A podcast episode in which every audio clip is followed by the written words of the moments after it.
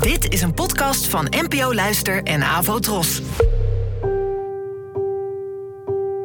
Poëzie vandaag.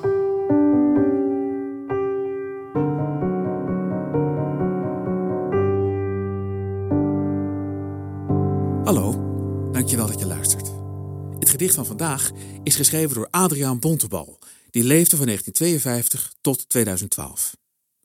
Healing, voor pa. Mijn vader had het.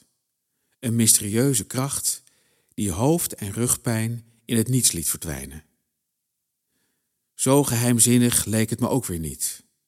Tien minuten aanleunen tegen die vaak gesloten man, zijn hand op je voorhoofd, zijn kalmte die je zacht dwingend doorstraalde en je lust in last verging je terstond. Zijn verlichting was geen show als van Jomanda uit Tiel en uitsluitend voor huishoudelijk gebruik. Was er al iemand gemotiveerd, dan hij. Maar zelfs hij bleek niet in staat mijn rechterbeen te laten aangroeien. Adriaan Bontebal schreef gedichten en verhalen.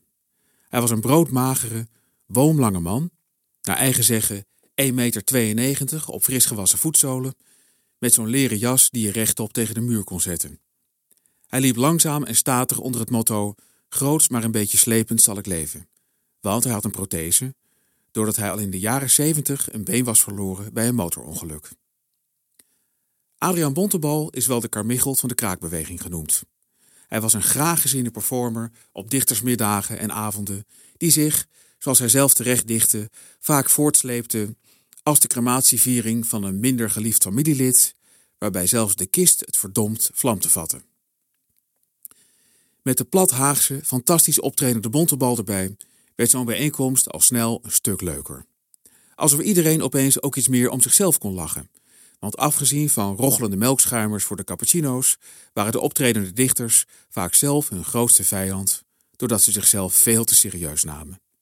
Dit alles speelde zich af in het zogenaamde tweede circuit van de jaren 80 en 90, waarin zowel zondagsdichters actief waren als mensen als Bontebal, die volgens veel mensen eigenlijk in het professionele circuit thuis hoorden, maar ook kampten met vele angsten en een onnodige, maar chronische zelfonderschatting. Die angsten wist hij in zijn werk met een feilloos gevoel voor humor te pareren. Daarbij was hij een van de gulste mensen in de literatuur. Hij heeft generaties jonge dichters gepromoot en het podium opgetrokken. Ik was een van hen en ik heb veel aan hem te danken. Adriaan Bontebal, doe jezelf een plezier en zoek maar eens een blog, een verhaal of gedichten van hem op. Om af te sluiten met een van zijn ultrakorte stukjes proza zonder titel. Van Meutstegen had de schriftelijke cursus Politieman gevolgd.